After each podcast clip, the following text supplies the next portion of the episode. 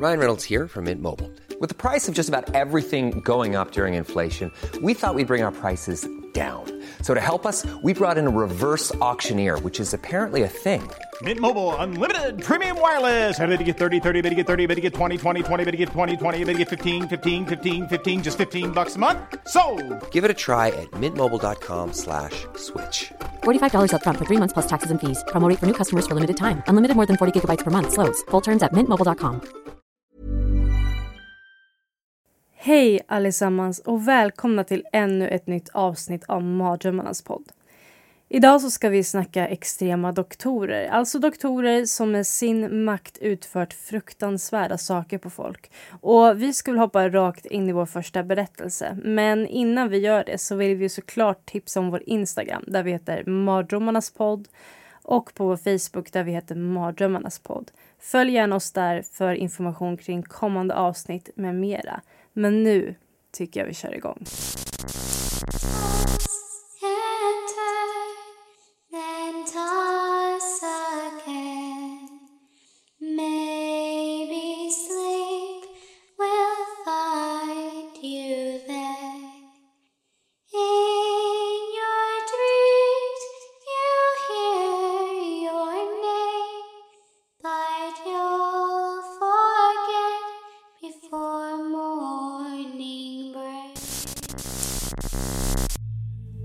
Andra världskriget var en period där mycket hemskt hände och extremt många mötte fruktansvärda öden.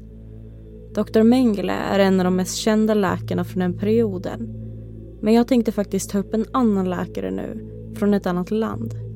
Som använder den fruktansvärda situationen som pågick i världen till sin fördel.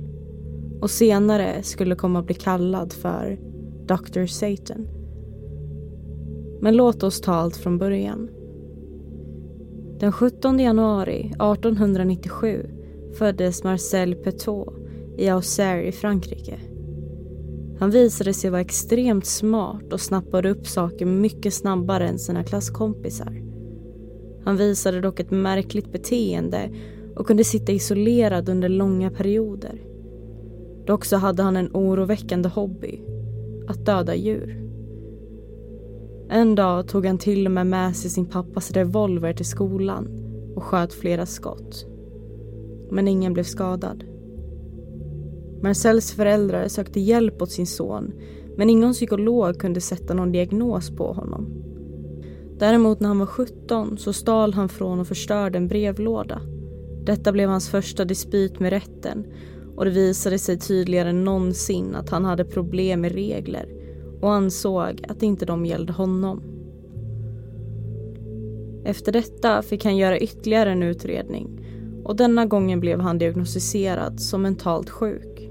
Psykologen ansåg att hans personlighetsdrag gjorde så att han inte kunde ta konsekvenserna av sina handlingar och därför släpptes han från alla anklagelser. Marcel blev avstängd från många skolor på grund av sitt beteende under sin ungdom men lyckades ändå ta studenten vid 18 års ålder 1915. Han gick senare med i militären under första världskriget men fick även där problem. Han var sällan närvarande på grund av de skadorna han fick. Istället skickades Marcel mellan olika sjukhus och även om hans kropp läktes från skadorna så blev han mer och mer påverkad mentalt. Marcel var en kleptoman och hade en tendens att stjäla filtar från militären. Han blev återigen diagnostiserad som mentalt sjuk men denna gången även med PTSD, alltså posttraumatisk stresssyndrom. Psykologen misstänkte att han hade fått ett mentalt sammanbrott då han bokstavligen skjutit sig själv i foten för att bli inlagd. De rekommenderade att han skulle sättas på ett mentalsjukhus men istället, ironiskt nog, började han jobba på ett under tiden han studerade till läkare. Han var färdigutbildad efter åtta månader och med sin läkarexamen började han 1921 jobba. Under den perioden blev han beroende av två saker som skulle förändra allt. Droger och mord. Marcels första offer tros vara hans älskarinna och dottern till en av hans patienter. Louise Delavaux försvann spårlöst 1926 strax efter att de börjat ha en affär. Trots att polisen började utreda fallet hittade de inga spår av henne. Vissa sa sig ha sett Marcel stoppa en stor väska i sin bil, möjligtvis med hennes kropp i. Men inga bevis hittades som kunde kopplas till honom. Efter detta ställde han upp i valet om borgmästare i staden och så fort han fick titeln började han skingra stadens pengar. Efter en kort period i tjänsten så avgick han för att senare flytta till Paris med sin fru och son. Där startade de upp en framgångsrik medicinsk praktik. Marcel fick böter på 2400 franc för hans förskrivning av olaglig narkotika. En avgift för vilket han skulle ha gått till rättegång för om de två missbrukarna som skulle vittna inte hade försvunnit under mystiska omständigheter strax innan rättegången började. För Marcel var det naziockuperade Frankrike det perfekta tillfället där han kunde begå sina brott. Faktum är att landet stod uppdelat främst av nazistiska sympatisörer och de som aktivt försökte störta eller rymma Gestapo. Marcel kapitaliserade på rädslans tillstånd och utnyttjade det senare. Han började forma en plan som skulle vara både skattemässigt och kroppsligt lukrativ för honom. Detta gjorde han genom att börja bekänna sig själv som medlem av det franska motståndet. Kanske för att få allmänhetens förtroende och beundran och därmed dölja hans olagliga handlingar. Som alltmer innebar försäljning av illegala droger. Han gick så långt som att bjuda in judar till sin praktik och lova dem en säker passage från det naziockuperade Frankrike. Han erbjöd också sitt hem som ett säkert ställe för motståndskämpar, tjuvar och härdade brottslingar som försökte fly undan lagen. Ändå skulle det som verkar vara en ädel sak från hans sida visa sig vara början på en av de värsta seriemorden i historien. Marcel arbetade under namnet Dr. Eugene och lovade en säker utresa från Frankrike till alla som hade råd med sin avgift på 25 000 franc som när den justeras för inflation kan räknas till nästan en halv miljon dollar idag. Han anställde också flera hanterare som hjälpte till att samla människor. De skulle naturligtvis senare prövas som medbrottslingar. Ingen hörde någonsin från de som tog upp Marcel på hans erbjudande igen. Främst för att han dödade dem alla. Han skulle berätta för sina klienter att innan de kunde lämna landet behövde de vaccineras vilket han gjorde. Även om han faktiskt injicerade dem med cyanid. Marcel tog sedan alla sina offers värdesaker och dumpade deras lik i Seinen. Men Marcel skulle bli tvungen att ändra på den här planen. När Gestapos närvaro på Frankrikes gator växte blev det för riskabelt att ta kropparna ut ur huset. Så efter hans första mord började Marcel lägga kropparna i kärl av kalk för att förstöra dem. Efter en viss händelse agerade Gestapo effektivt efter att ha upptäckt Dr. Eugenes aktiviteter och arresterade hans medbrottslingar. Under tortyr avslöjade de hans riktiga namn, Marcel Petot. När Gestapo letade efter honom så hade Marcel flytt till en annan del av Paris. Han arbetade nu på 21 Rue Lesser. Och Uppgiften att bortskaffa kropparna hos de som han döda blev överväldigande. Av skäl som fortfarande är oklara lämnade Marcel staden i några dagar i mars 1944. När han var borta började hans grannar märka en hemsk lukt från hans hus och att röken som strålade ut från skorstenen var ovanligt skadlig. När polisen anlände för att utreda och trodde att det kanske var någon form av brand hittade de en anteckning på dörren som sa Dr. Petot var ur staden men skulle återvända om några dagar. De fortsatte att kontakta honom och meddela honom om hans hems onormala tillstånd. Marcel sa till dem att inte gå in i huset förrän han kommit dit. Polisen väntade nästan en timme innan de kom in hos Marcel tillsammans med brandmän. Det de hittade var olikt vad de någonsin har sett. Kroppar. Inte ens hela. Bara delar av kroppar. Strödda runt om i huset. Några var i canvassäckar och resväskor. Garaget hade kärl med kalk och en förbränningsugn fylld av lemmar och ben. De berättade att de hittade minst tio lik i huset. Men ingen av dem var intakta. Marcel kom strax därefter och försökte förklara att han var medlem i motståndet och att de kropparna var av de tyskar och förrädare som han hade dödat. Polisen trodde nog på det Marcel berättade för att inte gripa honom där och då. Vilket med tanke på tumulten Frankrike befann sig i och hur betydelsefull motståndet var är något begripligt.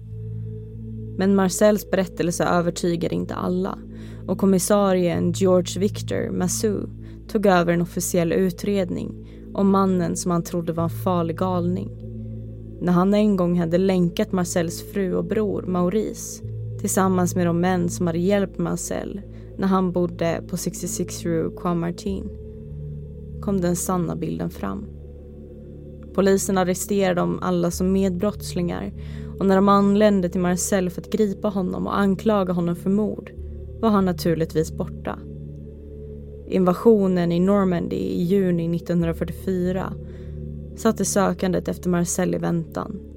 Genom att använda kriget till sin fördel ännu en gång gömde sig Marcel med vänner och förklarade att Gestapo förföljde honom för att han hade mördat några informanter. Under hela denna perioden tog Marcel ett antal olika namn, lät håret och skägget växa ut och lyckades undvika att bli fången i minst en månad till. Det gick inte att hålla en riktigt låg profil, men Marcel gick med motståndskämparna. Ett drag som skulle ge honom beröm och leda till att han ångrade sig. Medan han arbetade under ett annat namn fick Marcel så mycket beröm som en motståndskämpare att en fransk tidskrift hade en profil av honom. När tidningen kom till offentligheten kände flera personer honom som Marcel och varnade polisen för att mördaren faktiskt fortfarande var i Paris. Någon kände igen Marcel på en järnvägsstation i februari 1944 och då arresterade polisen honom och anklagade honom för mord. Marcel Petot åtalades den 19 mars 1946 för 135 brott. Under hela sin rättegång hävdade Marcel att han bara dödade Frankrikes fiender och att han gjorde det för att utföra sina uppgifter som motståndskämpe. Men han gjorde felsteget med att lista några motståndsgrupper med namn. Grupper som personer i rättegången sa att Marcel inte existerade. När utredningen avslöjade att Marcel hade stulit från dem han dödade anklagades han för mord för vinst. Under sina mord skulle Marcel få ihop mer än 200 000 franc, ungefär 2 miljoner dollar. Under rättegången medgav Marcel att han dödade några, men inte alla av de 27 offer som hittades i hans hus. Under hela sitt liv har han dödat minst 60 personer även om han bara dömdes för 26 mord. Domstolen dömde Marcel till döds genom halshuggning och han fördes till giljotinen den 25 maj 1946.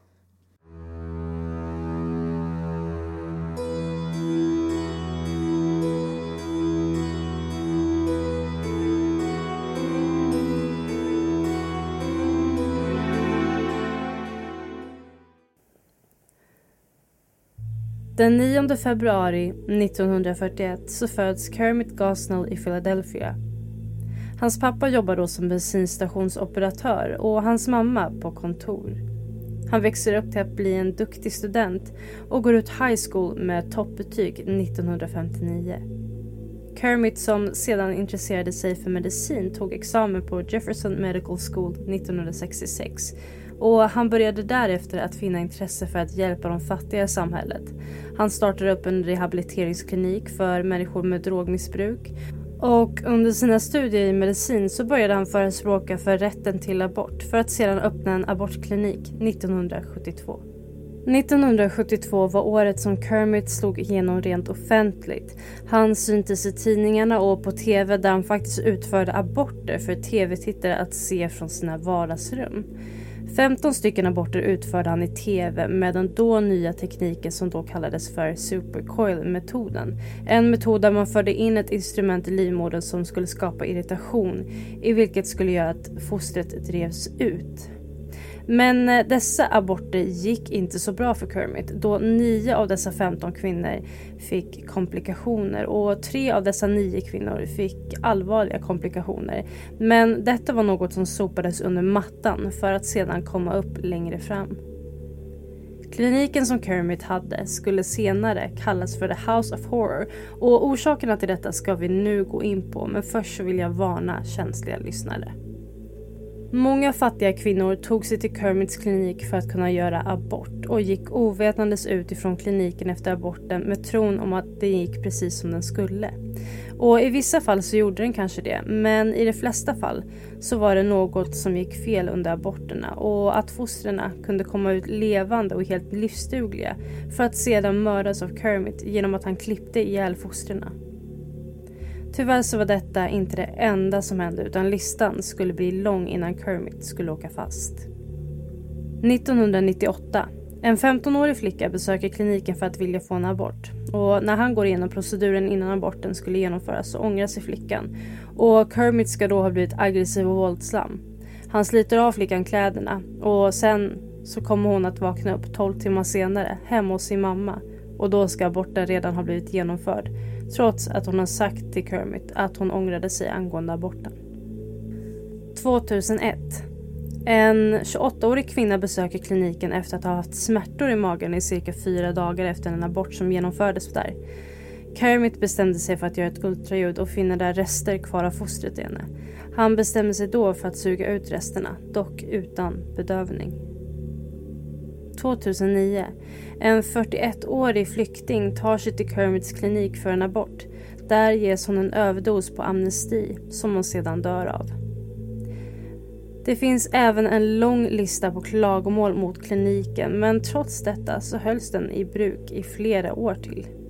1989 och 1993 så kommer det in klagomål om att det inte funnits några sjuksköterskor i återhämtningsrummen. 1996 så får kliniken böter för att ha anställt outbildad personal. År 2000 ska en kvinna ha försökt nå kliniken efter att ha fått kraftiga smärtor efter en utförd abort på kliniken. Ingen svarar henne och hon dör sedan tre dagar senare på grund av en blodpropp och en infektion. 2001 kommer det fram att Kermit också ska ha förvarat vaccin på osanitära sätt i till exempel kylskåp med fel temperatur med mera. Ja, listan går att göra längre och under 32 år på kliniken så fick Kermit runt 46 klagomål. Den 18 februari så började den 41-åriga kvinnans död att undersökas och FBI kallades in för fallet för att se om det kan ha rört sig om ja, naturliga orsaker eller annat. Och under deras undersökning av vad som obduktionen sen skulle visa var en överdos av amnesti så bestämde sig utredarna att besöka kliniken i hopp om svar på vad det var som hade skett. Och det de finner på kliniken är chockerande. Och jag kan väl personligen säga att jag var chockad när jag läste eh, vad de här utredarna fann på kliniken. Och det här vill jag verkligen berätta för er. Eh, för jag tror inte att ni har hört något liknande förut. Kliniken ska under deras besök där ha varit smutsig. Det ska ha legat spår av blod på golvet, en stark lukt av urin och om inte detta låter oprofessionellt nog så ska kliniken även ha haft en katt som har vandrat löst omkring i kliniken och man ska även ha funnit avföring från katten på golvet. Smutsiga möbler i väntrummet med filtar som ska ha haft blodfläckar på sig. Och utredarna från FBI frågade ut personalen där kring läkemedel de ska ha gett de väntande patienterna i väntrummet vid tiden då de var där och så vidare. Men inte ens personalen kunde ge svar på vad det var för sorts läkemedel och sanningen bakom just detta var för att nästan ingen av de anställda hade någon som helst utbildning inom läkemedel eller amnesti. Utredarna sökte igenom läkemedelsförråden och fann att flera av medicinerna där redan hade varit utgångna i datum, alltså gamla mediciner. Och och eh, nu så ska vi gå in på... jag skrattar för att jag tycker att det här är så sjukt. Eh, nu så ska vi gå in på de olika rummen och vad de fann där. Rummen för kirurgiska ingrepp ska ha varit smutsiga och dammiga och detsamma med de instrument som användes som även skulle ha varit rostiga. Rester ifrån foster ska ha lagrats i allt som fanns tillgängligt. Påsar, apelsinjuicekartonger, ja även kattmatskålar. Och i klinikens källare fann utredarna rester ifrån cirka 47 foster varav ett av dem som låg i frysen. 2011 den 19 januari så grips Kermit Gosnell samt hans fru som arbetade på kliniken och åtta andra anställda. Han anklagas för åtta dödsfall och dessa åtta ska ha varit sju foster som ska ha fötts levande som sedan Kermit ska ha klippt ryggmärgen av. Och den åttonde var den 41-åriga kvinnan som dog av en överdosering av amnesti. Alla anställda, inklusive Kermits fru, erkände sig skyldiga till olika händelser som ska ha skett på kliniken och den 15 maj 2013 så dömdes Kermit Gosnell till tre livstidsdomar plus 30 år då han ska ha skrivit ut mängder av narkotikaklassade tabletter till både patienter men även till andra som inte ska ha haft någon vård på kliniken. Alla de 47 foster som hittades på kliniken blev sedan begravda och ligger idag under en minnescen i form av en ängel på Laurel Hill Cemetery. Fallet kring Kermit Gosnell har minst sagt uppmärksammats och på grund av folks nyfikenhet på vad det egentligen var som skedde så skapades det både film, dokumentär och en bok som skildrar Kermits liv och rättsfallen. Och är ni intresserade av rättsfallen och Kermit så in och sök på webben så kommer ni säkert både hitta dokumentären och filmerna och böckerna. Många av er som lyssnat undrar säkert varför inte Kermit åkte fast när det ändå fanns så mycket brister.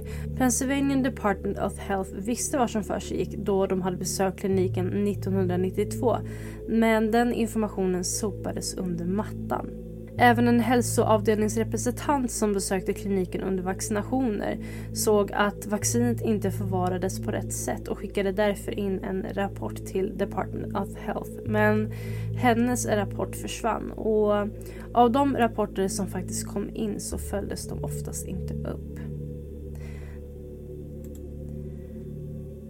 2011 rapporterades det att ingen av Pennsylvanias 22 abortkliniker hade inspekterats av regeringen i mer än 15 år på grund av att det ansågs skapa ett hinder för kvinnor som söker aborttjänster. Vilket jag tycker är en sjukt dålig bortförklaring. Och som en liten twist på det här äh, så var ju Kermit inte ens utbildad inom gynekologi.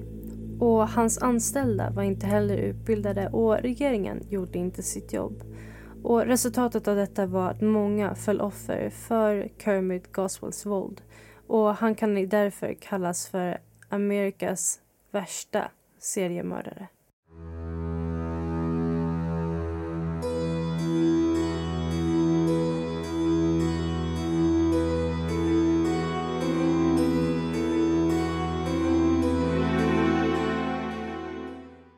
Men det var allt för denna veckan.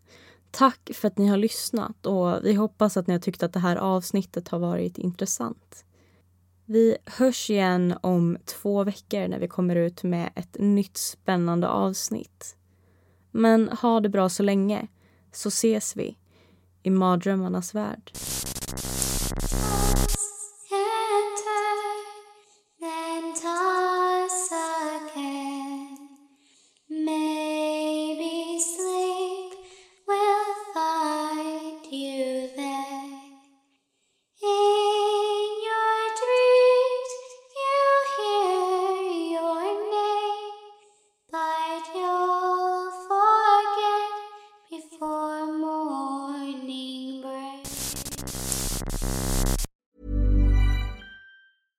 Even when we're on a budget, we still deserve nice things. Quince is a place to scoop up stunning high-end goods for 50 to 80% less than similar brands. They have buttery soft cashmere sweaters starting at $50, luxurious Italian leather bags, and so much more. Plus, Quince only works with factories that use safe, ethical, and responsible manufacturing. Get the high-end goods you'll love without the high price tag with Quince. Go to quince.com slash style for free shipping and 365-day returns.